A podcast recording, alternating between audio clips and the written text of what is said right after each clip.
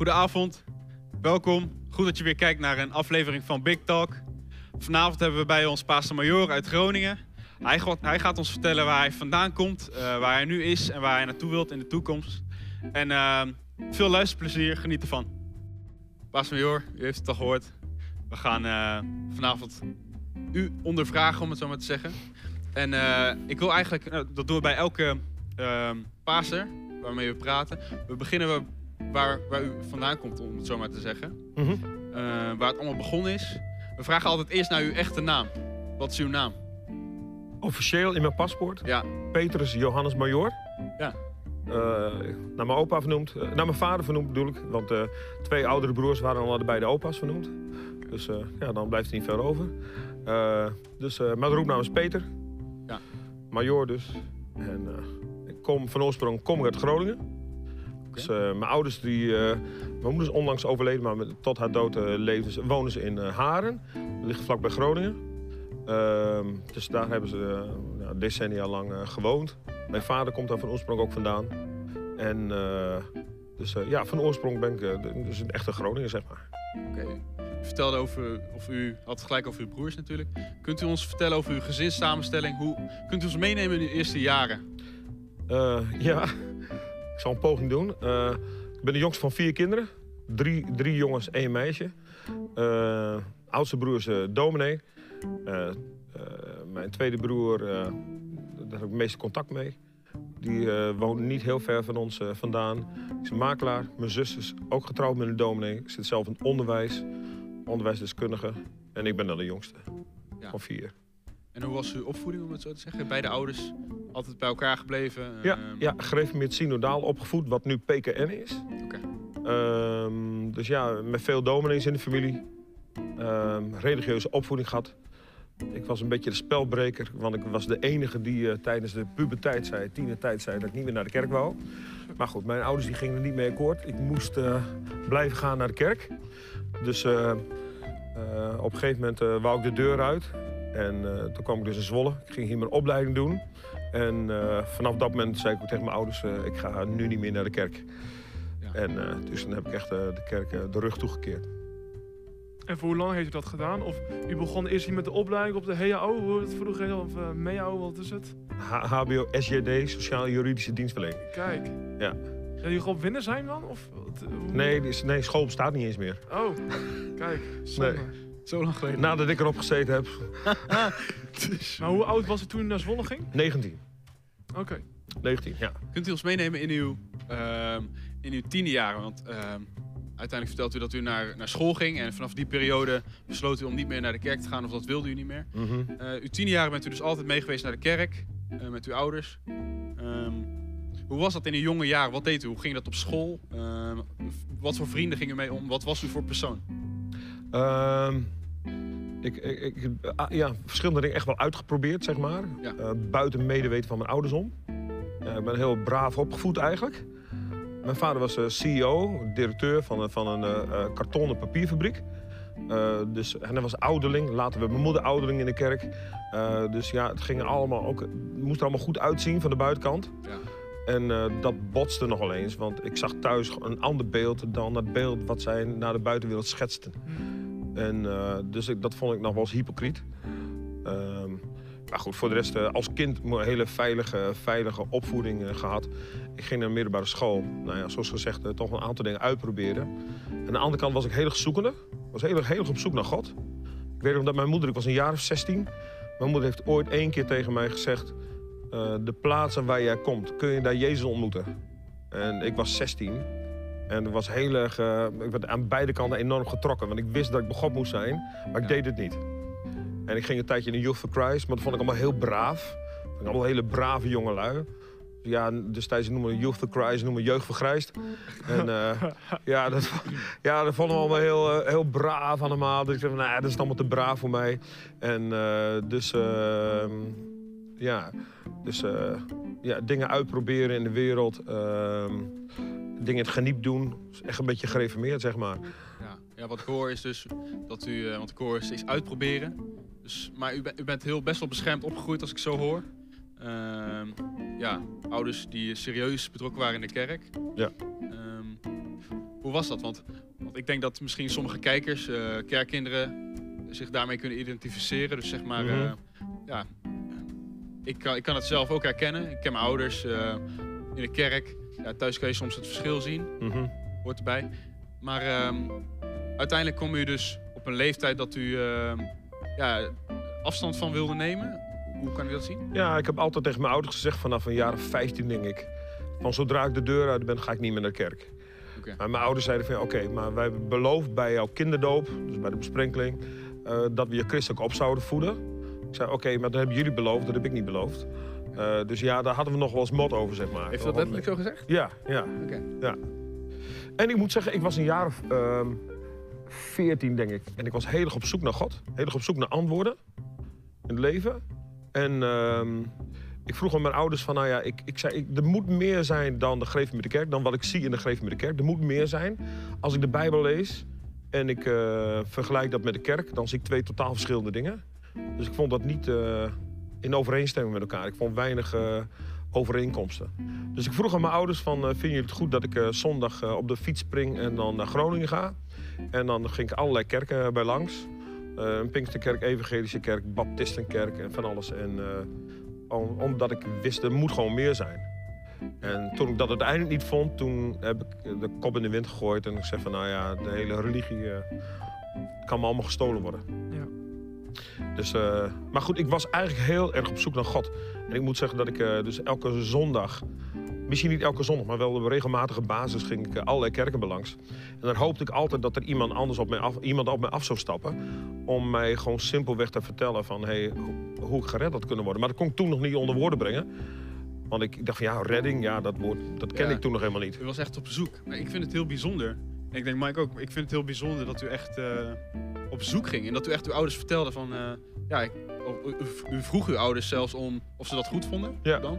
En u ging echt op zoek naar kerken om... om eh, ja, ik, ik- ik probeer uit te zoeken van... Wat was dan wat u zocht? Of wat was dan... Voor mij is dat moeilijk te begrijpen natuurlijk. Maar wat is dan Mhm. wat u zoekt?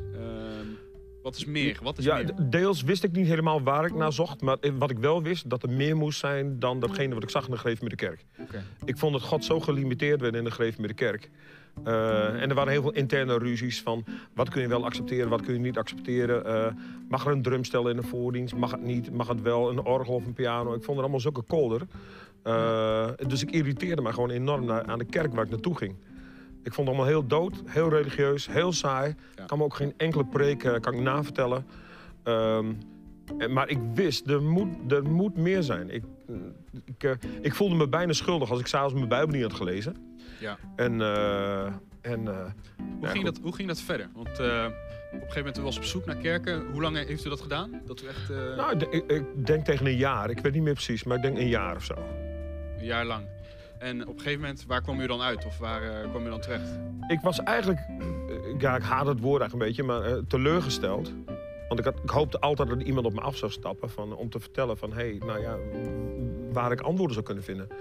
Maar eh, bij de deur kreeg ik een handje en van een oudste of een, een of een dominee, weet ik, voorganger, ik weet niet hoe het daar heet. En dat is per kerk verschillend hoe dat genoemd wordt. Maar, en dan denk ik van, nou, dat was het dan weer. Ging ik weer naar huis met nog steeds dezelfde problemen, met nog steeds dezelfde vragen, nog steeds dezelfde twijfels. En ik dacht van, nou ja, ik, denk, ik vind het nergens, want ik heb het overal gezocht en ik heb het niet gevonden. En op een gegeven moment ging je dus naar Zwolle studeren. En dan begrijp ik dat je dan in Zwolle tot bekering bent gekomen. Ja, ja. En toen bent u dus op een eh, donderdag, op een zaterdag, liep u over de straat en bent u aangesproken. Hoe ging dat? Op een zaterdagmiddag ben ik aangesproken. Ik woon hier net een week vier. En eh, ik dacht van, nou ja, leven de vrijheid. Vrijheid, blijheid, weg van pa en ma. Ik had dezelfde opleiding destijds in Groningen kunnen, kunnen, kunnen volgen. Maar ik moest en ik zou de deur uit. En dus was voor mij een goed excuus om naar Zwolle te gaan. Ehm, destijds kon ik de opleiding parttime volgen in, eh, in Groningen. Dat wou ik niet, ik wou fulltime studeren. En, eh, maar ook als hoofdreden, als hoofdmoot, ik- dan kan ik de deur uit. Ik, vanaf, ik, vanaf mijn 13e, 14e s- smacht ik er al naar om de deur uit te gaan. Ja. En, eh, dus ik kon, niet, ik kon gewoon niet wachten. Dus ik was net 19, ging de deur uit. En na vier weken eh, werd ik dus aangesproken op straat. Dat- En- was, dat dan, was het dan eh, kort nadat u allemaal op zoek was geweest naar kerken? Nee, toen was ik een jaar of 15. Ja, jaar geleden. En Oh ja, dan, en dan zoveel jaar later, Ja. werd u aangesproken in... eh, Zwolle. Zit die persoon nog in deze kerk? Of in een... Nee, geen van beide. Ai, Nee, nee. zonde. Nee. Als, het, als het wel het geval was geweest, was het natuurlijk heel erg leuk ge- geweest. Nee, dat klopt. Ja. Ja, dat klopt. Maar eh, nee, eigenlijk had ik op dat, op dat moment was ik inmiddels al zo onverschillig geworden. Ik dacht van nou, religie, dat, daar kan ik gewoon geen antwoorden vinden. En eh, dus ik weet ook nog dat ik zei tegen de jongens die me aanspraken van nou, dat is wel leuk voor jullie, maar dat is helemaal niks voor mij. Ergens dacht ik wel van ze hebben wel iets wat ik niet heb. Dat wist ik wel. En ik moest ook een beetje terugdenken aan de tijd, vijf jaar daarvoor, vier, vijf jaar daarvoor, waarin ik eigenlijk wel heel erg op zoek, zoek was naar God. En, eh, dus ik dacht van ergens had ik ook wel heel veel respect voor wat ze deden. Tegelijkertijd, tegelijkertijd dacht ik wel van nou, dat zou ik zelf dus echt nooit doen. Met je geloof gaan leuren op straat. Ja. Dat vond ik echt leuren. Dat is een beetje een religieuze, eh, ja, religieuze tik, denk ik. Eh, die ik nog over had gehouden, zeg maar. Mhm. Maar goed, eh, zij, zij nodigden me uit om, eh, om naar de diensten te komen. En ik ging naar de laatste opwekkingsdienst. Er waren vijf diensten met Pastor Joe Campbell. Volgens mij was hij voor de allereerste keer in Nederland. Dat was in 1982. Ja. De kerk bestond net negen maanden volgens mij in Zwolle. Dus eh, aan het Blekerswegje, dus in de binnenstad. Waarschijnlijk kennen jullie het pand. Ja. En eh, dus, eh, nou, en eh, ik, ja, ik, ik weet nog dat, dat, dat ik zei, nou, ik kom uit mezelf. Ik had mijn adres gegeven.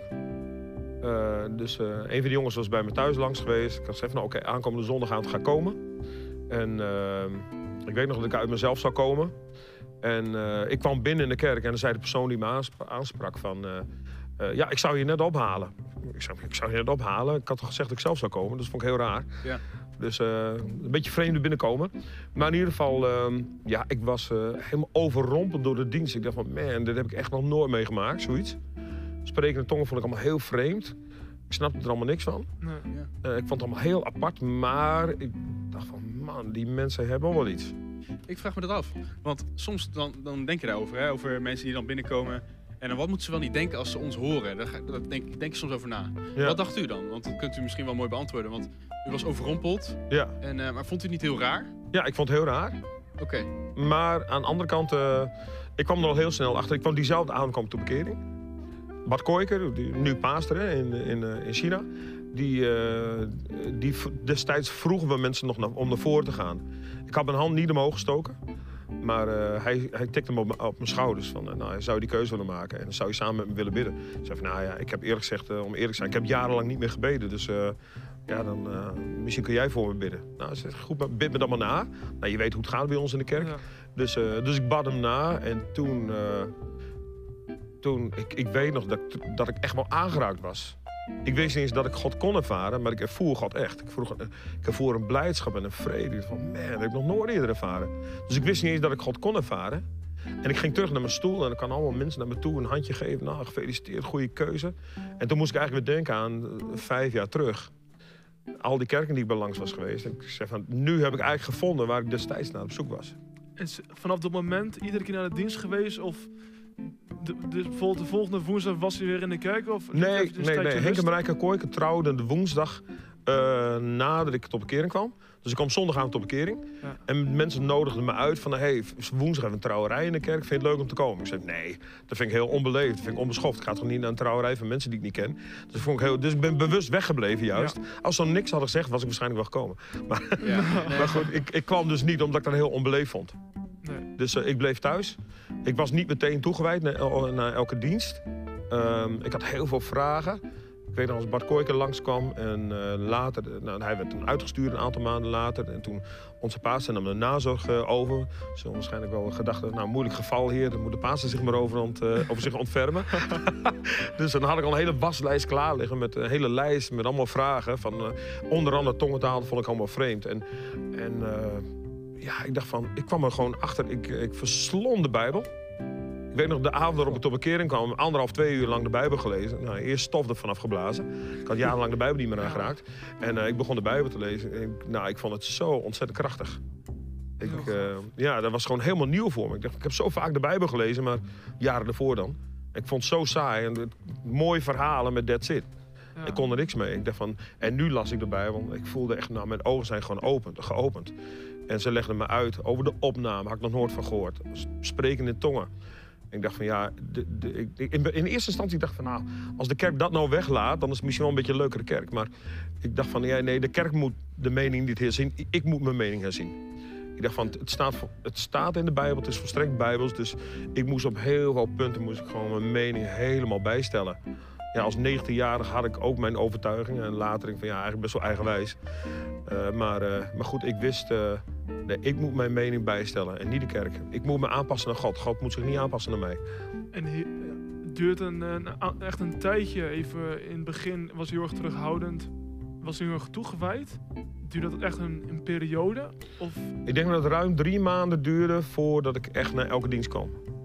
Ja. En eh, met dopen heb ik, eh, heb ik ook lang gewacht. Ook een, beetje on- ook een beetje onder druk. Mijn ouders waren er valikant op tegen. Nou ja, twee dominees in het gezin. Nou, die waren ook niet blij. nee? Ik heb dus enorme felle discussies gehad eh, over de doop. En eh, nou ja, goed. Mijn vader wou in eerste instantie niet komen naar de doopdienst. En eh, ik zei van, nou, als je niet wil komen, dan kom je niet. Maar ik laat mijn doop klaar. En ik weet nog, mijn ouders in het begin zo fel waren dat ze hadden één keer de dienst meegemaakt. Toen zei ze van, nou, kom maar weer terug. We nemen al je spullen mee naar Groningen. En je komt maar weer terug bij ons wonen. Zolang je maar weggaat bij die kerk. Ze hebben geprobeerd me eh, te verleiden om naar een Baptistenkerk te gaan. Heel, zel- zelfs een gesprek geregeld met de Baptistendominee. En ik was net vervuld met de Heilige Geest. Dus ik begon de Baptistendominee te vertellen dat hij vervuld kon worden met de Heilige Geest en kon spreken in tongen.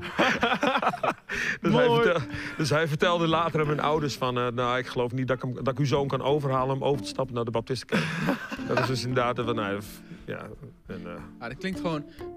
Hoe, hoe het ons klinkt, of op mij klinkt in ieder geval, is u heeft echt een hele radicale bekering meegemaakt. Ja. Echt eh, hoe u vertelt dat u de Bijbel begon te lezen. Ja. Zo lang. En eh, dat, dat getuigt wel van een echte bekering. Dat uw ogen open gingen. Drie maanden dat u, ja, dat u toch wel echt toegewijd, toegewijd begon te raken. mhm. Uiteindelijk bent u discipel geworden. Ja. Kunt u ons vertellen vanaf uw bekering tot echt dat u uiteindelijk paas bent geworden? Dus in, in, kunt u ons meenemen dat... eh, Ja, langzamerhand periode? dan, dan raak je betrokken in groei. En ik, m- ik, ik, m- ik kan me herinneren dat ik dacht van ik ga alles doen, maar ga niet de straat op. Dat ga ik echt niet doen. Maar ik, om eerlijk te zijn, destijds was er een, een bepaalde druk in de kerk. Want iedereen was betrokken in de straatevangelisatie. En ergens vond ik me een beetje, begon ik me een beetje schuldig te voelen. Want ja, van, iedereen doet dat en ik doe het niet. Dus ik dacht, weet je wat, ga gewoon een keer mee. En eigenlijk vond ik het veel leuker dan dat ik ooit had verwacht. Mensen stelden me vragen. Hey, dat antwoord weet ik. En, eh, en eigenlijk eh, na verloop van tijd vond ik het echt heel gaaf om te doen. En ik vind het nog steeds heel gaaf om te doen. Ik ben nog steeds veelvuldig betrokken in evangelisatie. Ik vind het nog steeds heel gaaf. Dus eh, ja, langzamerhand groei op. Je zag het voorbeeld van mensen. Ik werd regelmatig uitgenodigd om te eten. En ik dacht van ja, nou, als die mensen mij uitnodigen, moet ik ze maar een keer weer terug uitnodigen. Dus ik voelde me eigenlijk best wel verantwoordelijk. Ook van huis uit wel meegekregen, denk ik. Ja. Dus dat is, de, ja, religieuze opvoeding heeft ook alweer bepaalde voordelen. Als je gereformeerd bent opgevoed, heb je een bepaalde ja, verantwoordelijkheidsbesef, denk ik. Ehm, en dat had ik dus ook wel. Dus ja, mijn paas nodigde me uit om bij hem te komen eten. Ik zei, van, nou, dan komen jullie volgende keer bij mij eten. En, eh, en zo nodigde ik heel veel mensen uit bij mij thuis. Dus ik had eigenlijk wel zoete inval. Er waren altijd, eh, altijd mensen die bij mij over de vloer kwamen. Vond ik altijd heel gezellig. En eh, ja, dus, ja, dus langzamerhand rol je erin. En op een gegeven moment, ja, dan word je gevraagd voor een bepaalde bediening. Ik heb jarenlang in de band gezeten. En eh, de oogst was het eerst. En later werd het Exodus. En, eh, dus, eh, maar goed, ja, en op een gegeven moment toen, nou ja, verkering, trouwen. En nou, ik weet nog dat wij waren nog net geen jaar getrouwd. En toen, toen kwam mijn voorganger, toen kwam mijn paas naar me toe van, hey, wil je uitgestuurd worden? En ik had zoiets van, nou, ik wil misschien wel naar Den Haag of zo. Dat leek me wel een coole stad. En, eh, maar hij zei van, nou ja, toen ik pas bekeerd was, dan heb ik heel vaak tegen hem gezegd van, ja, je preekt heel vaak over mensen uitsturen. Maar ik heb 19 jaar in Groningen gewoond, ben nooit aangesproken door niemand. Dus waarom stuur je niemand uit naar Groningen? Niet wetende dat ik zelf na een paar jaar eh, uitgestuurd zou worden naar Groningen. Want hij vroeg me niet eens naar welke stad ik wou. Hij zei van, je gaat naar Groningen. En ik vond het perfect. Ik was meteen heel blij, ik was super enthousiast. Ja. Kan u zeggen dat u op een gegeven moment, dat hoor je wel eens vaak van dat je al ingaat, dat je gewoon heel erg, op een gegeven moment was je dus bekeerd, heel erg toegewijd werd. En dat je echt alles ervoor gaf en dat je er echt vol voor ging? Of was u hier en daar soms nog een beetje terughoudend? In het begin was ik heel terughoudend. In het begin was ik heel terughoudend, hele kat uit de boom kijken. Dat is een, be- een beetje inherent aan het Noorderling zijn, denk ik, aan het Ja. Gronings zijn. Gronings zijn sowieso een beetje in, in general, zeg maar, een beetje nou, kat uit de boom kijkerig. Ja. Dus dat had ik ook. Eh, maar op een gegeven moment, ehm, ja, ik denk van, ja, op een gegeven moment, ik kreeg steeds meer vertrouwen in de kerk. Ja, ik denk van, het klopt gewoon allemaal, het is bijbels. En op een gegeven moment, ja, des te radicaler de prediking was, des te beter ik het vond. Ik vond het Ja. allemaal fantastisch. En eh, hak-hak preek vond ik helemaal alleen maar geweldig. Dat vond ik helemaal fantastisch. Doet het niet zelf ook of niet? Eh, nou, kijk, eh, je, je wordt ook wel wat wijzer en wat diplomatieker. Gelukkig. Ja. Maar de Bijbel is wel de Bijbel, dus je moet Ja, wel de Bijbel ja, preken. absoluut. Precies. En toen hij de eh, discipel was, hoe snel kreeg hij, eh, hoe snel leerde hij uh, was Zij kwam eh, negen maanden na mij tot bekering. Maar om eerlijk te zijn, ik zag haar nooit staan. Want zij was nog maar 16 toen ze tot bekering kwam. Ze had nooit vliegen, vliegen doodgeslagen. Dus ze had nooit iets fout gedaan, bij wijze van spreken. Zij was 16, ze was net klaar met HAVO. En eh, dus ja ik, ik, zei, ja, ik zag haar nooit staan, joh. Nee. Dus ik dacht van, nou, ze is een tiener. En ik, was, ik ben 3,5 jaar ouder. En eh, toen op een gegeven moment, nou, een paar jaar later, na de dienst eh, fietsen we samen op. Eh, we zaten hier al aan de Gasthu- Gasthuisdijk. En we fietsen samen op. En van, oh, echt wel een leuke meid. Hey, het is eigenlijk geen tiener meer. Nee. Nou ja, ze nog net wel, ze was 19. Ja. En uh, nou, in mum van tijd hadden wij verkering. En, ehm, en uh, nou, acht, ja, bijna negen maanden later hadden we, waren we getrouwd. En een jaar later waren we uitgestuurd. Kijk eens aan. Dus zij was 21, ik was 24 toen we uitgestuurd werden. Naar Groningen. Heel gaaf. Ja. En kan u zeggen dat u, toen u hier in de Zwollekerk zag met de evangelisatie, was, u heel erg succesvol? Droeg u veel vrucht? Kan ik niet eens zeggen, nee. Nee, ik, ik was heel erg betrokken met, uh, in nazorg. Ik had altijd mensen over de vloer of ik bezocht mensen. Ook omdat ik zelf best wel heel goed nazorg ben, nagezorgd ben. Met heel veel wijsheid. Uh, ik denk dat ze ook een beetje voorzichtig waren in het begin. Van, uh, nou ja, omdat ik zo heel erg de kat uit de boom keek. En omdat ik niet altijd kwam. Ja. Dus, uh, en na een maand of drie, drieënhalf uh, was ik echt toegewijd. Toen kreeg ik echt, echt de smaak te pakken. En, uh, maar ik deed over sommige dingen... Ja, ik was gewoon heel erg afstandelijk in het begin. Van nou ja, vervulling met de Heilige Geest. Meewachten. Dopen meewachten. Dat vond ik allemaal toch wel grote beslissingen. En ik wou het eerst allemaal kunnen beredeneren. Ik had het eerst allemaal kunnen begrijpen voordat ik me in, in, in, in iets stortte, zeg maar. Ja. Dus ik heb drie doopdiensten meegemaakt voordat ik zelf gedoopt werd. Kijk, Uh, ja. u was uh, in het begin een beetje bang voor water ook, denk ik. Of niet? ja, precies. Ja, nee, ik Koud watervrees. Ja. Kunt u ons vertellen, u bent uit- uiteindelijk uitgestuurd naar Groningen. Dat, is de, dat was uw eerste bestemming, om het zo maar te, Ja. te zeggen. Hoe, hoe lang heeft u daar gezeten en hoe heeft u dat ervaren? Ruim 4,5 jaar. Ik vond het, uh, ik vond het, uh, ja, ik vond het heel gaaf. Hadden letterlijk vanaf de eerste dienst hadden we, hadden we bekeringen. We hadden een, eigenlijk een heel lelijk gebouwtje het eerste jaar. En, uh, maar goed, er kwamen wel mensen binnen. Er kwamen studenten binnen, jonge lui binnen. Een aantal mensen die nu nog steeds in de Groningenkerk zijn. Uh, en nou, op een gegeven moment na een jaar gingen we naar een eigen gebouw. Ons eigen vaste gebouw.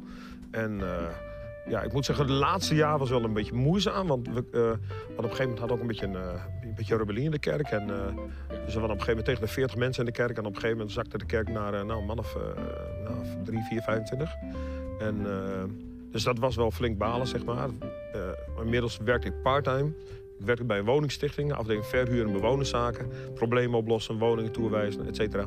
Um, dus...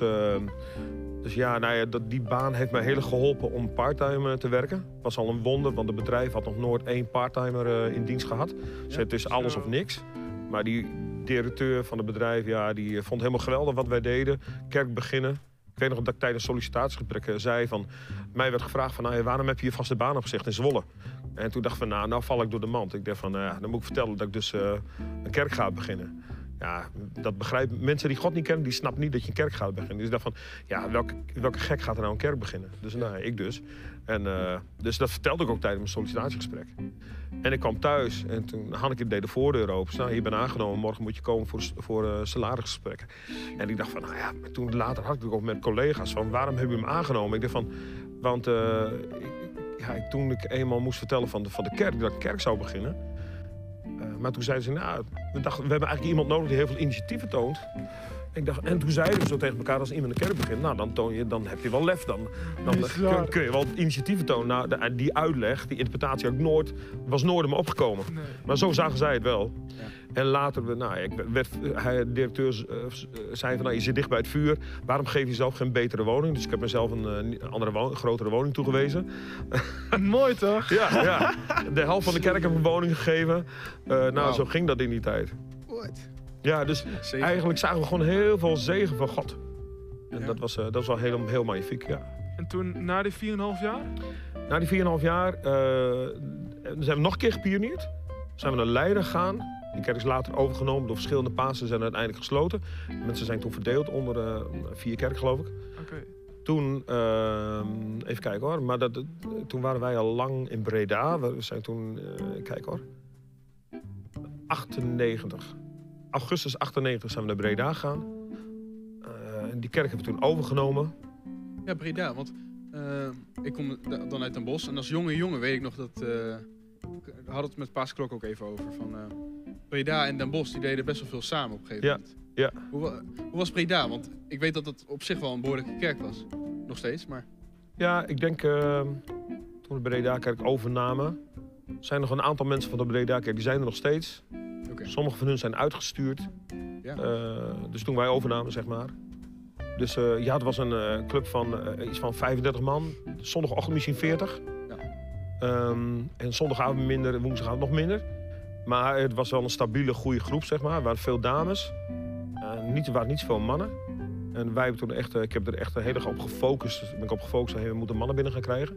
En dat gebeurde dus ook. U dat heel veel. Hoe heeft u dat gedaan om... eh, Onder andere door te zeggen van, ehm, als wij gingen evangeliseren, dan sturen we een jongen en een meisje samen de straat op, alleen jongens aanspreken. En eh, nou, toen kregen we, kregen we op een gegeven moment een onderwijzer eh, tot bekering. Die zit nog steeds in de kerk, Jan Willem. Die zit nu nog steeds in de kerk. Eh, een aantal andere jongens, Sagari Sitram kwam tot bekering. Zijn broer Noël kwam tot bekering. Naldo kwam tot bekering. Zijn ook paasters. Eh, nou, goede zo- mannen. ja, Elrik is paaster geweest.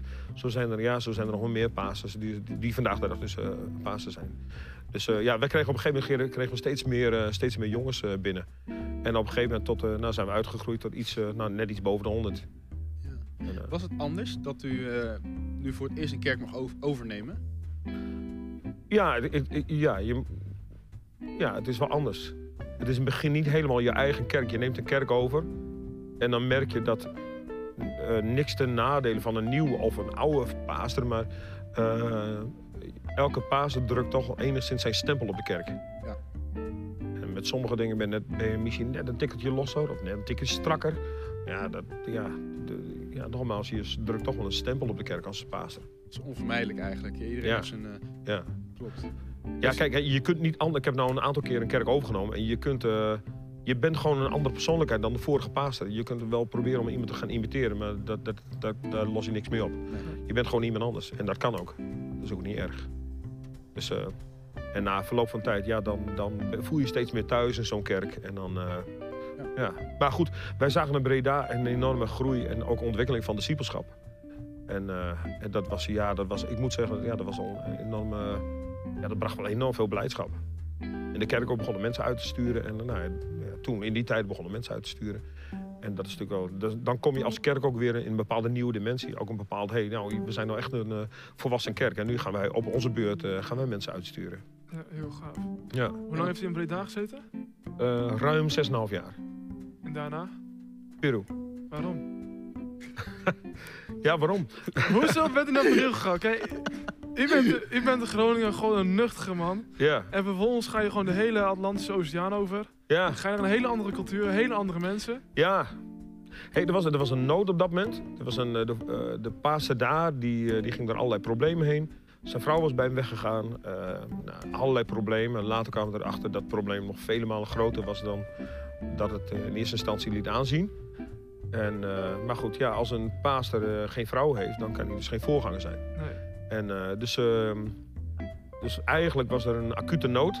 Ik weet nog dat ik destijds op vrijdagmiddag om 6 uur een telefoontje kreeg van nou, je wil een andere kerk overnemen. En dan, ja, van man, dan gaat er 80.000 dingen door je hoofd heen. Van ja, nou en welke kerk dan? Dus in eerste instantie denk je Nederland. En nee, nou, Peru dus. En eh, ik weet nog mijn ouders, nou, die wonen in Haren, een dorpje in Groningen. En die zeiden van, nou, jullie zakken steeds verder af. Eerst naar Zwolle, dan, eh, dan, naar, dan naar Leiden, dan Ja. naar Breda, nou nog verder weg. Ja. En, eh, dus, nou ja, dus wij moesten eigenlijk acuut beslissen of we het wel of niet deden. Familie zei ook van, eh, mijn schoonfamilie zei ook van... eh, jullie hebben minder tijd genomen voor een emigratie... dan menig geen eh, tijd neemt als voorbereiding voor zijn vakantie. Ja. En dat was ook zo. Want vrijdagmiddag kregen we dus om tien voor zes een telefoontje... nou weer een andere kerk overnemen. Nou, welke kerk? Nou, Trujillo, Peru. Ik zei, wow. Nou ja, goed. En van, oké, nou, wanneer moet je het weten? Ja, nou, uiterlijk morgen. Ja. Yo!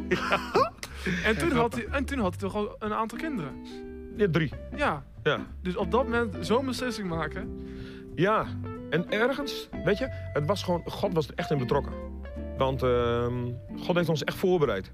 Want eh, het was in maart kregen we een telefoontje. In februari werden we in de conferentie enorm uitgedaagd om, eh, om eh, werden mensen in, in in general uitge- uitgedaagd om overzees te gaan, om missionaris te worden. Eh, mijn vrouw en ik hadden afzonderlijk van elkaar gebeden bij het altaar, meerdere keren. Van nou, God, als u wil dan, dat we het anders doen, dan eh bevalt ons uitstekend in Breda. Het ging allemaal supergoed. Maar als u eh, wil dat we overzees gaan of wat dan ook, dan... we zijn een blanco eh, A4, blanco sheet. En ik onderteken het bij voorbaat. Vul de condities maar in. De voorwaarden maar in. En toen was de conferentie voorbij. Gelukkig, nou, niks gebeurd.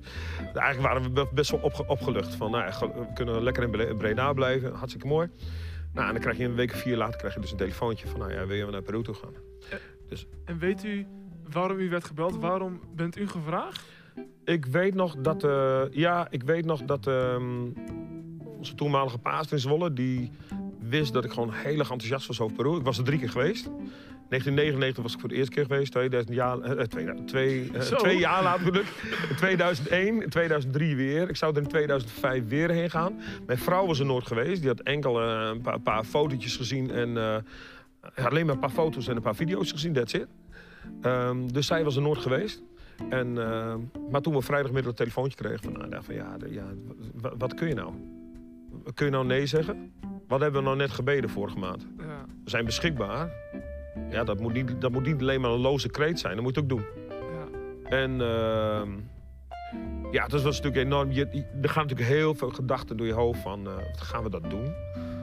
Eh, nou ja, ja waar- waarom zouden we het niet doen? Waarom zouden we het wel doen? Afwegingen, je hebt weinig tijd. Je denkt aan drie tienerkinderen. De oudste was Matthijs was 16, Pauline was 14, Vivian de jongste was 11. Dan denk je aan oude ouders. Ehm, ja, dan moet je oude ouders in de steek laten. Ehm, doe je dat? Ja.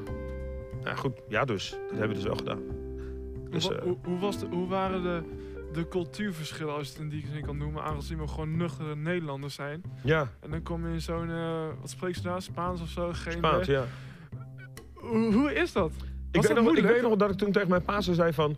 Hé, hey, eh, ik ben een nuchtere Groninger. En, Mhm. En mensen, Zuid-Amerikanen zijn in general... Dat is niet om mensen aan te vallen helemaal. Het is gewoon cultuurverschil. Ze zijn emotioneler dan, nou, laten we zeggen, nuchtere Groningers, zeg maar. Dus ik zeg van ja, maar dat is misschien wel precies wat ze nodig hebben. Dus, ehm, en ja, nuchterheid heeft zijn positieve kanten, ook zijn negatieve kanten. Zoals met emo- emotioneel zijn, precies zo. Ja. Weet je, misschien vinden, misschien vinden Zuid-Amerikanen ons wel weer koud. Ja. Dus, of zou cool. Dus ja, je hebt voor- en nadelen, maar dat heb je met elke cultuur. Heeft u dan ook een, een, tot u daar kwam, heeft u een eh, shock ervaren of dat u echt moest wennen dan, dan in het begin? Ehm, ja, dingen waren natuurlijk wel heel erg anders. Eh, sommige dingen zijn echt heel anders dan in de Nederlandse cultuur. Heel veel bijgeloof. Heel veel bijgeloof. Nou, dat heb je in Nederland eh, nou, veel mindere mate, laat zo zeggen. Eh, veel bijgeloof. Mensen zijn heel breedsprakig. Dus je moet, ja, dus de, en, en, en, eh, dat moest ik, daar moest ik aan wennen. Ik moest, soms moesten mensen ook wel bijsturen van, hé, ja, sorry, ik heb geen drie uur om te gaan counselen. Dat gaan we niet doen. En, eh, dus, maar ja, en Spaans, ik, ik, ik beheerste, we beheersten de taal niet. Dus ja, dus in, we hebben nog, eh, nadat we gevraagd zijn, iets meer dan drie weken later zaten we in het vliegtuig richting Peru. De kerk opgezegd, huis opgezegd, alles opgezegd. En dan, eh, nou ja, dus tijdens de verhuizing overal post-it eh, papiertjes opgeplakt. Tafel, mesa, muur, paret. Eh, nou ja, alle Spaanse woorden overal. Dus we hadden overal van die gele plakketjes hangen. Met Spaanse woorden. Dus, Ja. En eh, alle, alle, het hele menselijke lichaam heb ik in het Spaans eh, moeten leren. Ik dacht van als ik voor zieken bid, dan weet ik in ieder geval nou, waarvoor ik bid. Als ze zeggen van ik heb hier en daar last van. We hadden gelukkig wel een vertaler. Later kregen we een tweede vertaler erbij. De tweede vertaler is nu Paaster ook in, hebben we in onze tijd uitgestuurd. Paaster Junior Angulo in Lima. En die werd onze vertaler. Maar op een gegeven moment stuurde ik hem uit. En toen, eh, toen dacht ik, ja, toen heb ik mezelf ook voor het blok gezet. Nu moet ik ook in het Spaans gaan preken, want ik heb geen, ik heb geen andere keuze, want ik heb geen vertaler meer. Dus, eh, dus nou, dat, was, dat vond ik, dan krijg ik letterlijk Spaans benauwd van. Oh. Van, eh, van, oh, dan moet ik in het Spaans gaan preken. En dat vond ik wel even pittig, zeg maar. Ja. Dus ja, het vereist wel heel wat aanpassingen. Maar van de andere kant, je leert er ongelooflijk veel van. Ook om een ja, beschadigde kerk over te nemen. Ja. Want dat was het. Want mensen zagen gewoon dat vorige echtpaar, dat die deed dingen toch niet helemaal op zijn fellowship, zeg maar. Nee, en dat was gewoon ook dus de, een van de eerste dingen toen hij er kwam. eh, dat was gewoon juiste prediking, mensen gaan Ja. voeden Ja. met, met de juiste waarheid. Ja.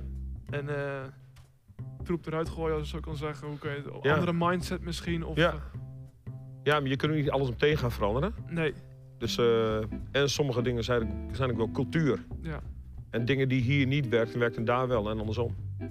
Bijvoorbeeld hier eh, werkt muziek beter dan bijvoorbeeld drama. Daar is drama super succesvol. Ja.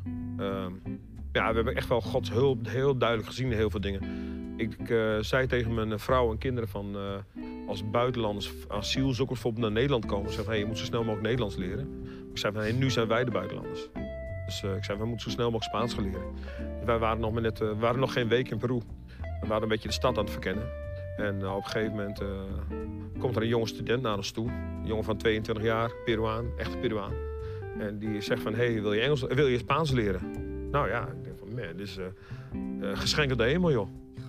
En eh, dus die, daar hebben we dan een tijdje les bij gehad. Dus als je individueel les hebt, ja dan... eh.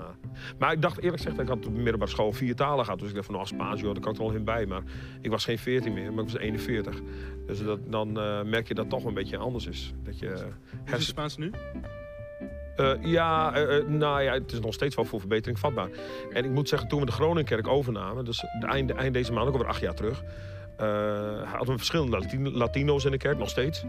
En die waren wel erg blij dat ze een Pasen-zegpaar hadden waar ze Spaans mee kunnen spreken. En nog steeds wel zo, maar ja, inmiddels is hun Nederlands zo verbeterd dat ons Spaans daardoor eigenlijk wel weer achteruit gaat. Maar goed, ik heb nog steeds wel, omdat ik overseer ben, zeg maar supervisor ben over het Peru-werk, Ja. heb ik nog steeds wel veel eh, contact met de pastors daar. Ook wel met de kerkleden af en toe. Dus, eh, dus mensen bellen me.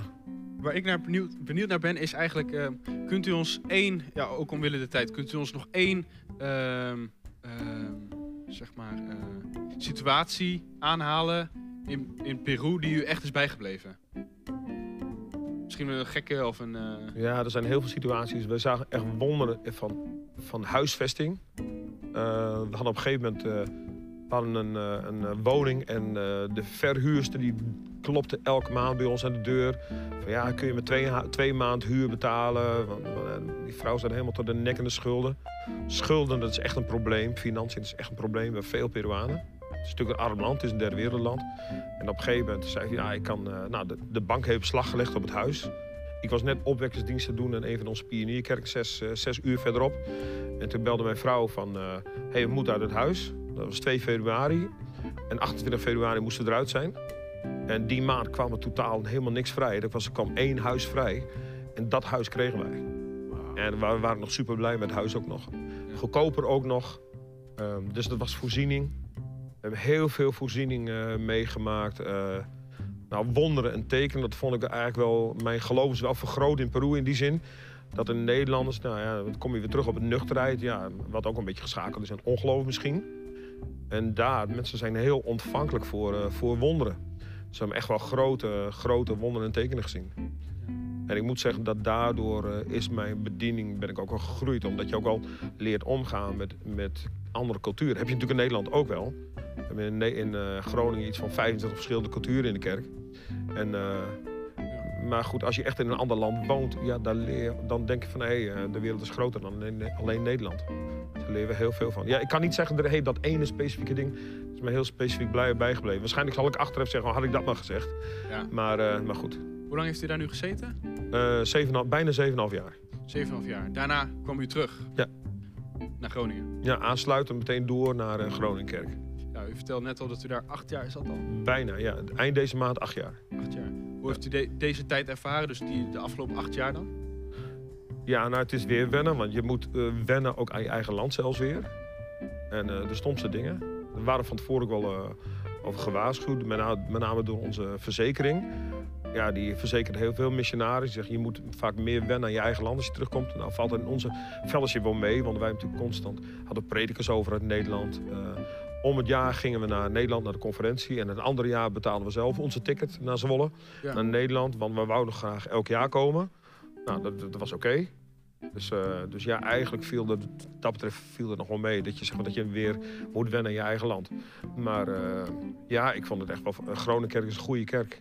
En eh, ja, we hebben gewoon heel veel dingen zien gebeuren. Er komen veel mensen tot bekering. En we gaan bijvoorbeeld aankomende zondag gaan we drie mensen dopen. Een paar weken terug hebben we mensen, nog, nog één jongen gedoopt bij ons aan het meer. We wonen aan het meer. En, uh, en uh, dan hebben we nog een jongen gedoopt. En uh, ja, we zien gewoon heel veel gebeuren. Er gebeuren gewoon heel veel krachtige dingen. Dus ja, mij hoor je niet klagen over de Groningenkerk. Het is een hele goede kerk. Ik ben nog wel naar iets anders benieuwd. ik weet toevallig dat u goede vrienden was met evangelist Teunen. Ja. Hoe heeft u vriendschappen onderhouden en hoe... heeft, u nog he heeft u bepaalde hele goede vrienden waar u veel contact mee heeft? En hoe is dat? Hoe zijn die vriendschappen voor u? Um, nou, Paas Leidermee was, was, was een hele goede vriend van mij. Hij is overleden. Ja. Ik heb zijn kerk overgenomen toen. Um, uh, nou ja, goed. Daarnaast de Paas Teunen was denk ik wel mijn beste vriend. Uh, op dat moment. Um, dus ja, als dat dan beide wegvalt, dan, ja, dan is het op zijn zachtste gezegd wel heel vervelend eigenlijk. In de, eerste, in de eerste plaats voor hun en voor hun vrouwen natuurlijk. Ja. Dat staat buiten kijf. Uh, maar goed, voor mezelf vond ik het ook wel heel vervelend eigenlijk. Hoe, hoe zijn die vriendschappen ontstaan? Um, ik weet nog dat ik met Paanse Teunen vroeger eigenlijk nooit contact had. Uh, maar hij kwam terug uit Litouwen. Hij ging naar Eindhovenkerk. Hij ging naar de Eindhovenkerk. Nam die over. Wij zaten in Breda. En uh, ja, we zaten niet zo ver van elkaar af. Dus uh, we kregen steeds meer contact. Dus die vriendschap is toen ontstaan.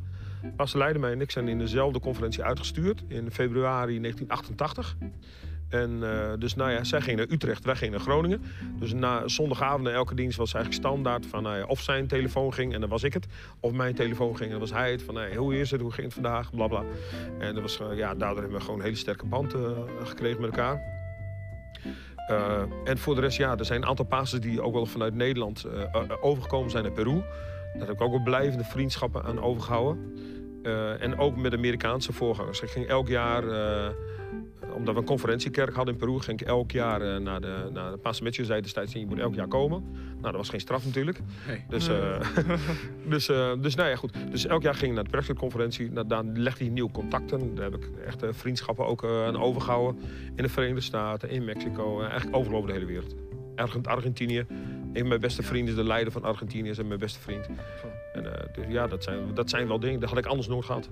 Ja. Dus, Waardevol.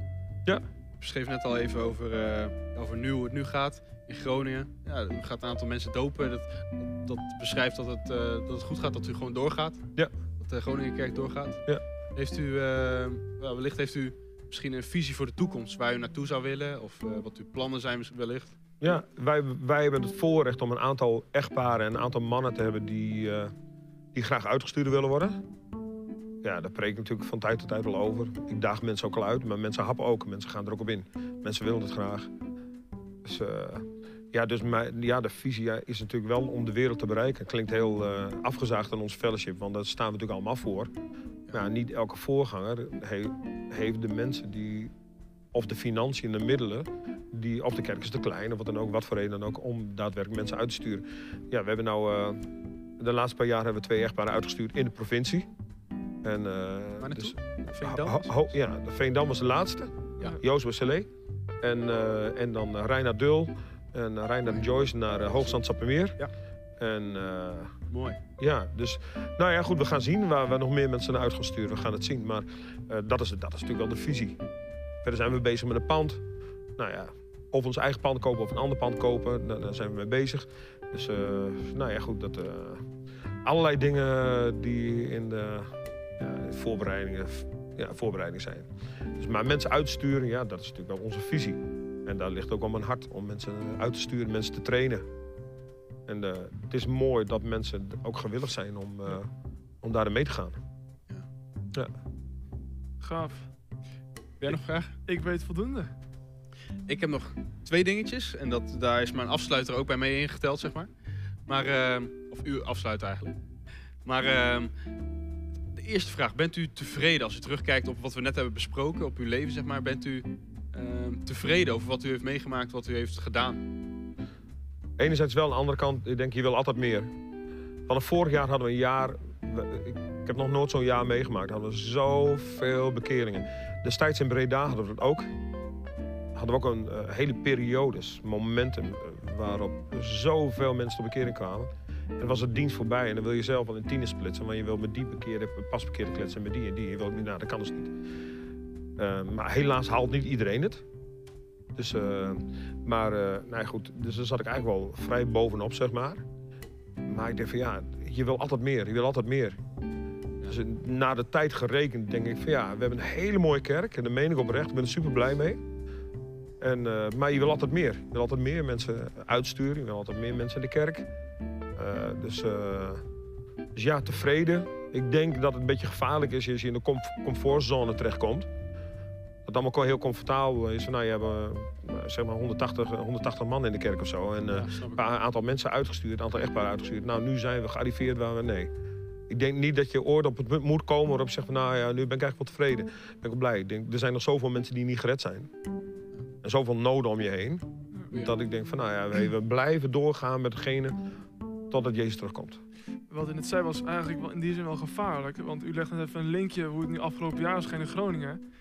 Datzelfde dus heeft u ook meegemaakt in Breda. En vervolgens ging u naar Peru. Dus ik weet niet wat er in de aankomende maanden gaat gebeuren. Misschien gaat u weg. Nee, gekkigheid. Dat is niet de bedoeling. ik heb echt niet het idee, maar ik moet zeggen, dan had ik destijds in Breda ook niet om weg te gaan. Nee. Maar ik heb, nee, ik heb echt niet, ik heb sterk de overtuiging om, om in Groningen te zijn, om Groningen te blijven. Ja, Ik ben zelf gezonden geweest, nu ben ik degene die zendt. ja, Zo sta ik erin. Ja. Als God mij sterk overtuigt om iets anders te doen, dan eh, ga ik geen nee zeggen. Maar ja, dan moet ik echt wel zeker weten dat het van Ja. God is. Maar ik geloof niet dat dat aan de orde is op dit moment. nee. Oké. Ja. Duidelijk. Als laatste ehm, eh, vragen we altijd de gast, in dit geval eh, u, Paas Major, om ehm, voor de kijkers een bemoediging in te spreken. Of misschien uw, levensspreuk of uw motto. Zou u dat aan de kijkers willen vertellen? Eh, nou, ik, ik zou zeggen, eh, probeer, ehm, probeer op te trekken aan iemand anders die verder is dan jij. Kijk naar succesvolle mensen, mensen die vrucht hebben gedragen naar Gods koninkrijk. Ik zeg van, hé, hey, wat hebben die mensen waar, waar ik wellicht nog iets van kan leren? Als iemand heel succesvol is als voorganger of in de lokale kerk. Dat kan een man zijn, dat kan een vrouw zijn. Maar als je zegt van, hé, hey, die, die, eh, er zijn mensen die overal getuigen en mensen tot bekering leiden. Ik van, nou, persoonlijk denk ik, ja, daar kan ik wel wat van leren. Er zijn momenten geweest in mijn leven, je, tijdenlang, waarop ik elke dag minstens één persoon aansprak over God. Over het evangelie. Ja, dan moet ik toegeven dat ik dat de laatste tijd bijvoorbeeld niet heb gedaan. Ook een beetje in de rent aan de corona. Maar ja, ik kan corona ook niet helemaal de schuld geven. Eh, op een gegeven moment zakt dat dan af. Je, ja, je besteedt meer, meer tijd in prediking dan wanneer je pioniert. Dus dan eh, zit je ook meer thuis. Of mensen opzoeken. Maar ik ben nog steeds betrokken in evangelisatie. Ik zie ook nog mensen tot komen. Door evangelisatie, ook doordat ik zelf de straat op ga. Nou, dat vind ik nog steeds magnifiek. Ja. Ik zeg van, als je iets... eh, je, ik denk dat je nooit moet komen op een punt waarop je zegt van... Hey, ik ben gearriveerd. Word nooit comfortabel als christen. Ik denk dat ook een beetje het gevaar is. Dat is mijn zorg wel een beetje. Tenminste voor mijn kerk. Mensen blijven voor een tijd lang thuis vanwege corona. Kijken thuis livestream, hoop ik. En Misschien, soms eh, hoor ik mensen zeggen, ja, maar ik kan, kan morgen ook nog wel kijken. Van uitstel kom afstel, denk ik dan. Ja. En als de coronaperiode voorbij is, wat ga je dan doen? Dan is het heel makkelijk om te zeggen, ja, we zijn al gewend om zondagavond eh, thuis te zitten. Zondagochtend ook. En nou, woensdagavond blijf ik maar thuis. Nou, Oké, ieders niveau van toewijding, dat snap ik wel. Die vrijheid heb je. Maar ik zeg, in plaats van naar beneden te gaan, zeg ik nee, je moet altijd zo dat je omhoog blijft gaan. En altijd blijft groeien. Ja. Dat je jezelf altijd blijft ontwikkelen en nooit eh, eh, eh, ak- akkoord gaat met een status quo of met een eh, com- comfortzone. Ja. Dus altijd zo dat je verder komt in Gods Koninkrijk. Mooi, mooie afsluiten weer van deze avond. Bij deze. Ik wil ook iedereen bedanken die weer heeft gekeken. Ik wil Paas Major bedanken, Mike bedanken. We hebben een goede tijd gehad. En voor de luisteraar, ik wil jullie vragen om volgende week weer te kijken. Volgende week hebben we een nieuwe gast. Dat is voor jullie weer een verrassing. En nou ja, tot kijk. Tot de volgende keer.